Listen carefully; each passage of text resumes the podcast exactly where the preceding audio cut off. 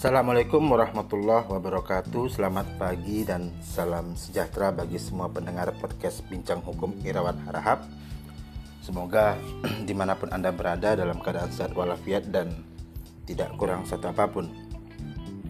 Di hari Senin 20 April 2020 ini Saya akan membahas uh, terkait dengan hukum pidana Khususnya mengenai tindak pidana-tindak pidana yang menjadi uh, keseharian dalam tanda kutip kita, yaitu mengenai delik terkait dengan harta benda.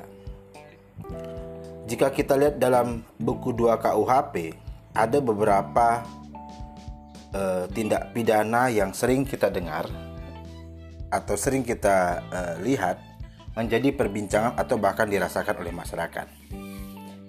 Yang pertama adalah pencurian, yang kedua adalah pemerasan, yang ketiga penipuan, yang keempat penggelapan, dan yang kelima penadahan. Nah, nantinya saya akan membahas satu persatu delik tersebut atau tindak pidana tersebut. Namun sebelumnya, ternyata bila kita cermati unsur pasal yang ada, lima tindak pidana tersebut mempunyai sifat atau unsur khas sendiri-sendiri. Yang pertama pencurian. Pencurian itu mengandung unsur khas adalah mengambil barang orang lain untuk memilikinya. Mengambil barang orang lain untuk memilikinya. Yang kedua pemerasan. Memaksa orang lain dengan kekerasan untuk memberikan sesuatu. Jadi unsur khas pemerasan adalah memaksa orang lain dengan kekerasan untuk memberikan sesuatu. Yang ketiga adalah penipuan.